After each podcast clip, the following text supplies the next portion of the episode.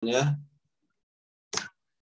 Oke, bismillah. Jadi hari ini kita akan bahas tentang can exercise before bed affect your sleep.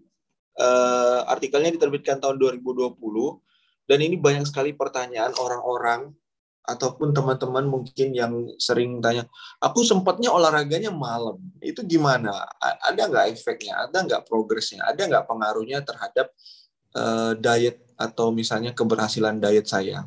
Nah, banyak orang yang sering lupa bahwa olahraga di malam hari uh, yes memang benar bisa dilakukan teman-teman. Tapi kadangkala pemilihan jenis olahraganya intensitas olahraga yang dilakukan itu secara tidak langsung juga akan mempengaruhi kualitas tidur teman-teman.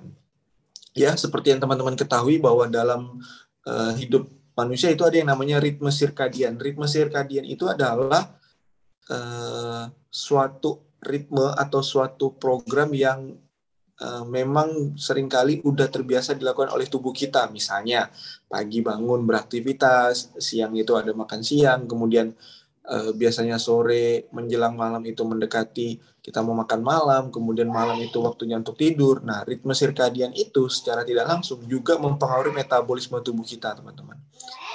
Nah, pertanyaan sekarang adalah kalau misalnya kita olahraga sebelum tidur, itu kira-kira gimana? Ngaruh nggak ya? Nah, jadi artikel ini mencari tahu tentang hal tersebut, teman-teman. Nah, di sini dikatakan bahwa regular exercise has many benefit, including better sleep. It can promote relaxation, reduce anxiety, and normalize your internal clock. Exercise also increase your core body temperature. When it begins to drop, you you feel sleepy. Jadi, secara tidak langsung, regular exercise atau olahraga yang dilakukan secara rutin itu punya banyak manfaat teman-teman ya. Salah satunya adalah kualitas tidur. Ya jadi kalau kita uh, olahraganya rutin itu bisa membuat tubuh kita jadi lebih rileks kemudian anxiety atau uh, was-was itu akan berkurang kemudian internal clocknya juga akan normalize maksudnya waktu uh, waktu tidur kita juga akan normal kembali dan biasanya olahraga juga akan meningkatkan suhu tubuh, kemudian ketika suhu tubuhnya udah mulai nurun dan normal, itu kita akan merasa ngantuk. Dan it's been a long belief that working out before bed can make it harder to get a good night rest. Ya, ada juga orang yang berpendapat bahwa kalau kita olahraga sebelum tidur, itu justru uh, membuat istirahat tidur kita itu jadi nggak maksimal, teman-teman. Tapi according to recent research, this may not necessarily be true. Studies have found that it's possible to enjoy exercise close to bedtime without compromising your sleep. Jadi ada juga nih yang bilang bahwa enggak, enggak apa-apa kok kalau mau olahraga sebelum tidur. Uh, buktinya saya tetap aja bisa tidur dan malah lebih nyenyak kalau misalnya saya melakukan olahraga sebelum tidur. Nah, jadi kata artikel ini dibilang bahwa the key is to be mindful of the exact timing and to focus on the type of exercise that won't affect your ability to fall asleep and stay asleep. Jadi kuncinya sebenarnya adalah bagaimana waktunya teman-teman melakukan olahraga, terus yang kedua adalah jenis olahraganya. Ya, biasanya teman-teman olahraga, misalnya teman-teman uh, tidurnya jam 10, teman-teman olahraganya jam setengah 10 malam. Iya, Terus yang dipilih jenis olahraganya adalah zumba satu jam. Wah. Atau uh, tiba-tiba teman-teman datang ke gym angkat beban. Iya. Gymnya udah mau tutup, teman-teman. Baru mau mulai olahraga. Jadi uh, sekali lagi kalau teman-teman nih mau melakukan olahraga sebelum tidur, teman-teman harus perhatikan dua hal. Yang pertama adalah waktu olahraganya, yang kedua adalah jenis olahraganya. Nah, kita akan bahas sedikit tentang sebenarnya apa sih yang udah di, didapatkan dari hasil penelitian. Beberapa hasil penelitian terbaru, teman-teman, itu uh, bilang bahwa exercising too late in the day could disrupt your sleep. Jadi kalau kita uh, melakukan olahraga yang terlalu malam, udah jam di atas jam 10 malam misalnya, atau jam 9 malam di atasnya itu biasanya juga akan mempengaruhi kualitas tidur kita. Bahkan penelitian di tahun 2020 teman-teman, 12 orang pria sehat ya eh, dilakukan penelitian mereka 30 menit melakukan moderate intensity aerobik, kemudian melakukan lagi 30 menit moderate intensity resistant training atau angkat beban dan tidak melakukan olahraga sama sekali. Each workout ends 90 menit before bedtime. Jadi mereka eh, sebelum waktu tidur, misalnya waktu tidurnya adalah jam 10 malam. Jadi sebelum 90 menit sebelum mereka tidur itu 30 menit ada yang melakukan olahraga kardio, 30 menit ada yang angkat beban, ada juga yang 30 menit enggak olahraga sama sekali. Hasilnya adalah teman-teman setelah dicek uh, determine that moderate intensity evening workout didn't affect the participant sleep. Enggak ada pengaruh sama sekali, ya. Enggak ada pengaruh sama sekali. Tapi teman-teman perhatikan, mereka olahraga itu selesai 90 menit sebelum waktu tidur. 90 menit sebelum waktu tidur. Nah, jadi eh, misalnya tadi waktu tidurnya jam 10, 90 menitnya berarti jam 9 gitu udah kelar olahraganya. Jadi ada jeda waktu tubuh itu melakukan proses penurunan suhunya ketika uh, habis olahraga ya ibaratnya seperti relaksasi gitu dan penelitian lain di tahun 2020, teman-teman, ternyata memiliki hasil yang sama. 16 men, jadi 16 eh, pria dan wanita itu mereka menyelesaikan uh, olahraga mereka di beberapa waktu. Jadi dibebaskan. Mereka mau olahraganya uh, jam berapa aja dibebaskan. Tapi including 4 sampai 2 jam sebelum waktu tidur. Nah, misalnya olah, uh, tidurnya jam 10 malam. Mereka olahraganya jam 7 atau jam uh, jam 6 jam 6 maghrib gitu. Yang penting 4 sampai 2 jam sebelum waktu tidur itu mereka udah kelar olahraganya. Dan hasilnya adalah nggak ada pengaruh sekali sama sekali dengan waktu tidur teman-teman. Nggak ada pengaruh sama sekali dengan kualitas dan kuantitas tidur mereka. Jadi kalau kita lihat nih dari dua penelitian ini, itu mereka olahraga di malam hari, jenis olahraganya mereka uh, melakukan kardio atau melakukan angkat beban, tapi mereka berhenti berolahraga kurang lebih 1 sampai 2 jam sebelum waktu tidur. Nah, kemudian di tahun 2019 teman-teman dilakukan uh, review penelitian terhadap 23 23 hasil penelitian tentang bagaimana berolahraga di malam hari itu menemukan e, menemukan hasil bahwa justru olahraga di malam hari dapat meningkatkan e, kualitas tidur kita as long as the exercise was done at moderate not vigorous intensity and ended more than one hour before bedtime. Hmm, ketemu tuh ya. Jadi kesimpulannya di tahun 2019 dilakukan, dilakukan review terhadap 23 hasil penelitian, ditemukan data bahwa kalau teman-teman mau olahraga eh, sebelum waktu tidur, usahakan itu sebelum jam tidur satu jam itu udah kelar. Gak usah ada olahraga lagi. Misalnya teman-teman uh, waktu tidurnya jam 10 atau waktu tidurnya jam 9. Teman-teman masih bisa berolahraga tapi usahakan olahraganya kelar satu jam sebelum waktu tidur. Jam 8 atau jam 9 malam. Itu masih bisa. Dan jenis olahraganya adalah moderate intensity. Jadi intensitas yang sedang atau yang low. Jangan yang vigorous. Vigorous itu yang kayak high intensity, kemudian uh, intensitasnya terlalu tinggi. Uh, itu usahakan teman-teman hindari jenis olahraga tersebut ya. Dan di sini dibilang bahwa uh, are some kinds of exercise better than others before bedtime. Jadi not all exercise, enggak semua jenis olahraga itu sama teman-teman. Uh, dan pengaruhnya terhadap tidur kita.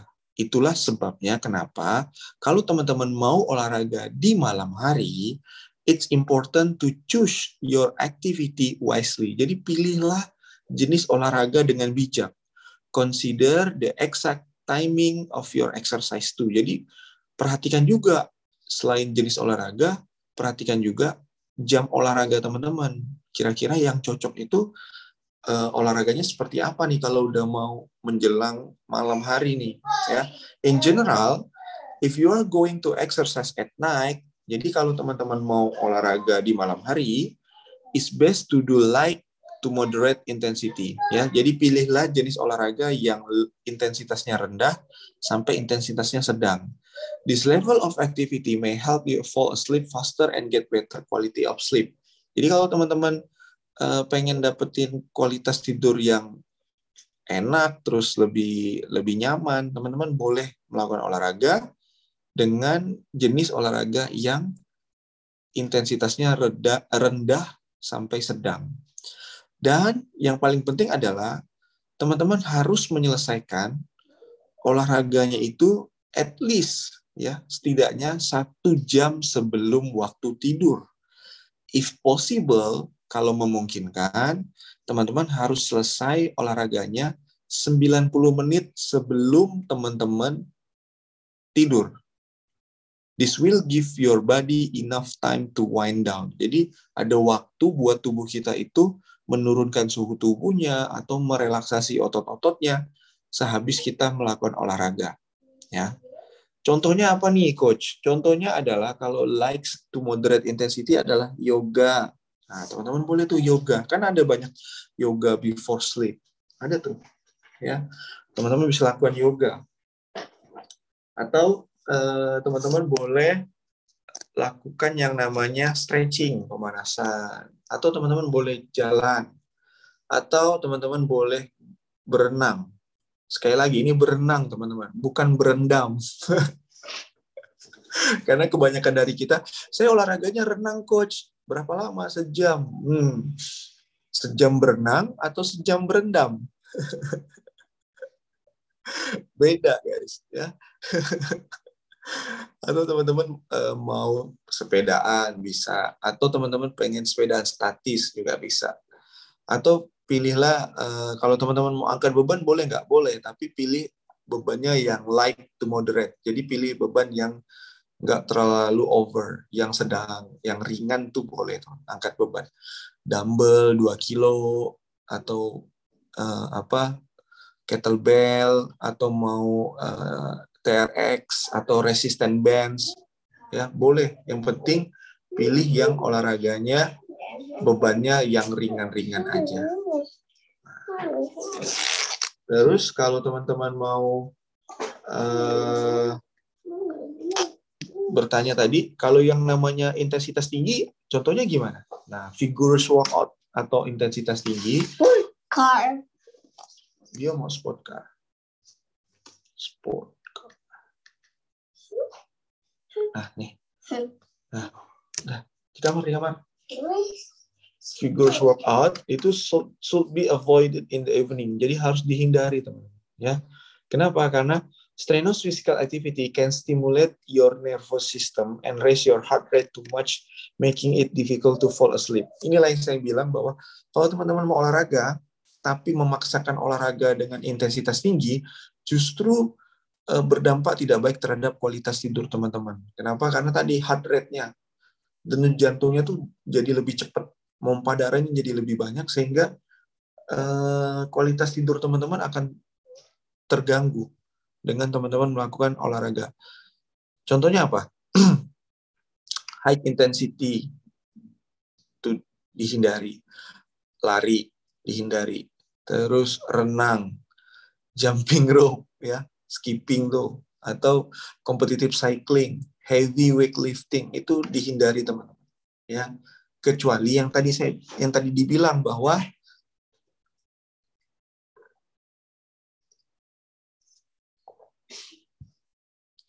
bahwa kalau teman-teman mau berolahraga usahakan olahraganya kelar 2 sampai 3 jam sebelum waktu tidur. Nah, itu mungkin masih bisa dilakukan ya. Dan sebenarnya berapa lama sih exercise is helpful for sleep? Jadi di sini dikatakan teman-teman eh, bahwa to improve your sleep, sleep health, aim for at least 30 minutes of moderate intensity aerobic activity during the day or evening. Sebenarnya dibilang bahwa 30 menit aja melakukan olahraga dengan intensitas sedang itu udah cukup bantuin teman-teman untuk bisa dapetin kualitas tidur yang maksimal. However, regular exercise is essential for continuous sleep, uh, sleep benefit. Strive for uh, 150 menit of moderate intensity aerobic exercise every week. You can do this by doing 30 minutes workout 5 days a week. Jadi teman-teman boleh aja melakukan olahraga 30 menit nih. Seminggu 5 seminggu 5 kali. Nggak masalah ya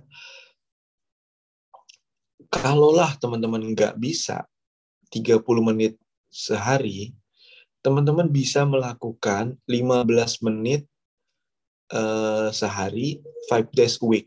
Itu juga bisa. Jadi aduh 30 menit kayaknya saya nggak ada waktu nih coach. Ya udah teman-teman bisa minimal 15 menit aja sehari selama 5, 5 kali dalam seminggu. Itu udah cukup buat bantuin uh, kualitas tidur teman-teman. Tapi kalau teman-teman memilih strenuous workout atau tadi intensitas tinggi, at least teman-teman lakukan 75 menit uh, intensitas tinggi dalam satu minggu. Itu bisa banget, boleh. Ya, seminggu tiga kali. Just be sure not to do this type of exercise within a few hours of your bedtime. Tapi pastikan jangan melakukan olahraga dengan intensitas tinggi ini um, dalam waktu beberapa jam sebelum waktu tidur teman-teman. Ya, minimal udah harus kelar 2 sampai 4 jam sebelum waktu tidur. Find an activity that you enjoy. Pilihlah olahraga yang teman-teman nikmati, yang teman-teman bisa lakukan secara konsisten. When you truly like an exercise, it will be easier to do it regularly. Jadi kalau teman-teman suka dengan olahraga tersebut, biasanya itu jadi lebih enak buat dilakukan secara reguler. Dan apa aja nih yang bisa membantu teman-teman untuk bisa dapetin kualitas tidur yang um, at least maksimal dibilang bahwa yang pertama adalah keep a consistent sleep schedule. Jadi pastikan teman-teman itu wake up and go to bed at the same time every day. Ya, punya jadwal rutin bangun jam berapa dan tidur jam berapa. Konsisten teman-teman even on the weekends or your days off, walaupun itu uh, lagi weekend atau lagi libur, keeping a consistent sleep schedule can help stabilize, uh, stabilize your body clock. Jadi kalau teman-teman udah terbiasa dengan uh, waktu tidur setiap hari tidur jam berapa, bangun jam berapa, itu justru akan membantu jam metabolisme tubuh teman-teman jadi lebih konsisten, ya. Kemudian yang kedua adalah avoid electronic device before bedtime. Nah, ini yang sering kita lakukan teman-teman. Ya, tanpa kita sadari kita uh, mau tidur tapi kita masih ngelihat HP dan segala macamnya. Jadi di sini disarankan bahwa matikan televisi, matikan smartphone, laptop ataupun elektronik lainnya 30 menit sebelum waktu tidur. The light from this device can stimulate your brain and keep you awake ya. Jadi memang ada banyak penelitian yang bilang bahwa cahaya dari uh, peralatan elektronik ini itu dapat menstimulasi otak kita sehingga kita jadi nggak gampang ngantuk ya kemudian yang ketiga adalah create a relaxing bedtime routine ya jadi kalau teman-teman punya punya kebiasaan yang membuat teman-teman jadi jauh lebih rileks untuk sebelum waktu tidur, teman-teman boleh lakukan. Misalnya teman-teman menggunakan handuk hangat atau mendengarkan musik atau menggunakan yoga, eh, melakukan yoga atau meditasi itu boleh banget ya, sangat membantu. Kemudian reduce noise pollution ya, gunakan uh, peralatan atau kipas angin atau air conditioner yang minimal teman-teman itu nggak ribut yang apa yang suaranya nggak ganggu teman-teman terus pastikan ke, uh, temperatur ya suhu kamar itu nyaman buat teman-teman tidur kemudian make sure your mattress and pillow are comfortable and in good shape ya pastikan uh, bantal kemudian kasur itu benar-benar dalam kondisi performa terbaik untuk teman-teman tidur. Saya pernah baca buku teman-teman ya. Uh, ada satu rahasia di mana kenapa banyak orang tuh bisa berhasil dan sukses dalam hidupnya. Jadi fireworks. Jadi uh, dibilang rahasianya itu teman-teman ternyata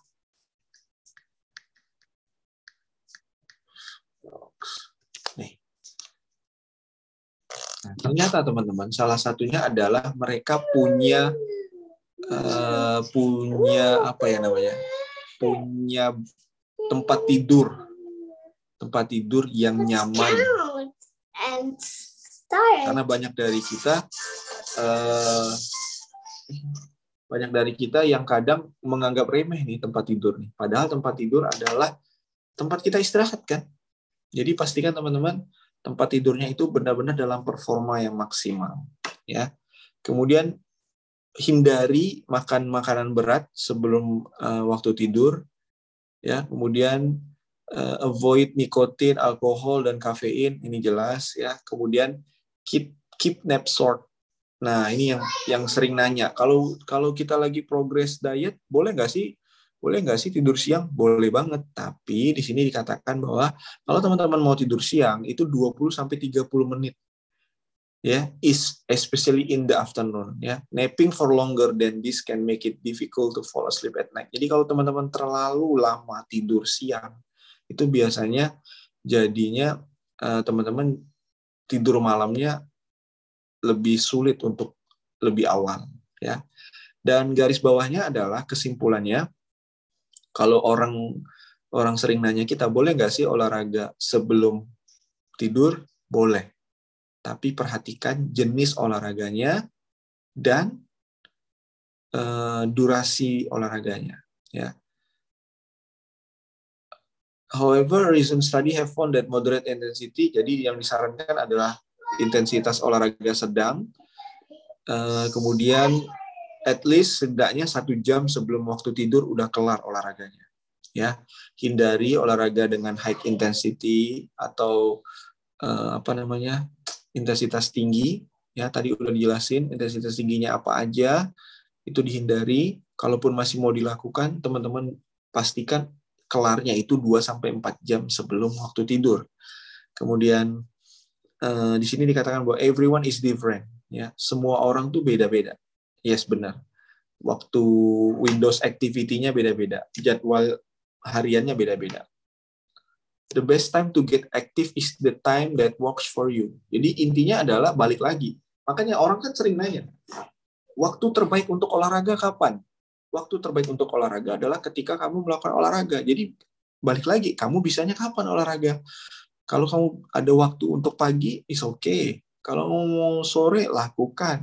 Kalau mau malam juga boleh. Jadi intinya adalah bisa aja kapan aja olahraga. Yang penting adalah perhatikan jenis olahraganya dan perhatikan durasinya, ya, teman-teman. Dan was what most important is that you exercise regular whenever that may be. Nah, yang paling penting adalah teman-teman bisa melakukan olahraga itu secara konsisten dan reguler. Tadi udah disara, uh, udah dibilang bahwa ya at least minimal kalau teman-teman mau lakukan adalah 150 menit seminggu. Jadi kalau 150 menit seminggu dibagi tiga hari, kurang lebih teman-teman bisa 50 menit dalam satu hari selama tiga hari itu dalam seminggu. Atau saya bisanya 30 menit aja. Ya udah 30 menit lima hari. Kalau mau 15 menit tadi juga udah bisa teman-temannya. 15 menit teman-teman lakukan. Teman-teman at least uh, itu teman-teman tadi disarankan 150 menit seminggu. Ya. Nah, selesai. Jadi uh, intinya adalah sekarang kalau teman-teman tanya, boleh nggak sih kita olahraga di malam hari? Boleh. Ya. Tapi sekali lagi perhatikan durasi olahraganya dan perhatikan juga jenis olahraganya. Sehingga kualitas tidur teman-teman tidak terganggu dengan teman-teman memaksakan diri untuk berolahraga. Ya, buat saya pribadi, kalau misalnya uh, ada orang yang bilang bahwa saya nggak ada waktu sama sekali buat berolahraga, uh, maka saya saya akan bilang yang pertama adalah coba dibuat jadwal dulu dari pagi dari pagi hari sampai malam hari. Nanti teman-teman akan lihat di jam-jam berapa tuh sebenarnya ada waktu buat berolahraga. Karena saya punya teman uh, ada tiga orang ya mereka hanya bisa berolahraga itu siang hari teman-teman. Jadi pas uh, makan siang kantor mereka uh, ganti baju terus mereka berolahraga terus mereka uh, 30 menit kalau nggak salah teman saya itu 30 menit terus mereka balik lagi ganti baju lagi ganti baju kantor habis itu mereka balik lagi kerja seperti biasa ya atau teman-teman bisa juga dengan yang biasanya dilakukan oleh dulu. Dulu sempat happening kan? Bike to work ya. Jadi perangkat kantor pakai sepeda itu juga bisa. Atau intinya adalah bagaimana teman-teman memanfaatkan waktu 15 sampai 30 menit at least teman-teman bisa meluangkannya untuk berolahraga ya. Walaupun uh, teman-teman gerak aktif itu beda banget dengan berolahraga kan mbak ada ada juga orang yang bilang tapi kan saya gerak aktif. Yes gerak aktif memang bagus buat uh, mem, apa sih namanya ya hmm, membuat metabolisme kita tetap on atau tetap berlangsung secara optimal. Tapi kalau kita melakukan olahraga itu efeknya jadi jauh lebih banyak dibanding kalau kita nggak pernah berolahraga teman-teman ya. Karena ada perbedaan yang sangat besar antara sehat dengan bugar.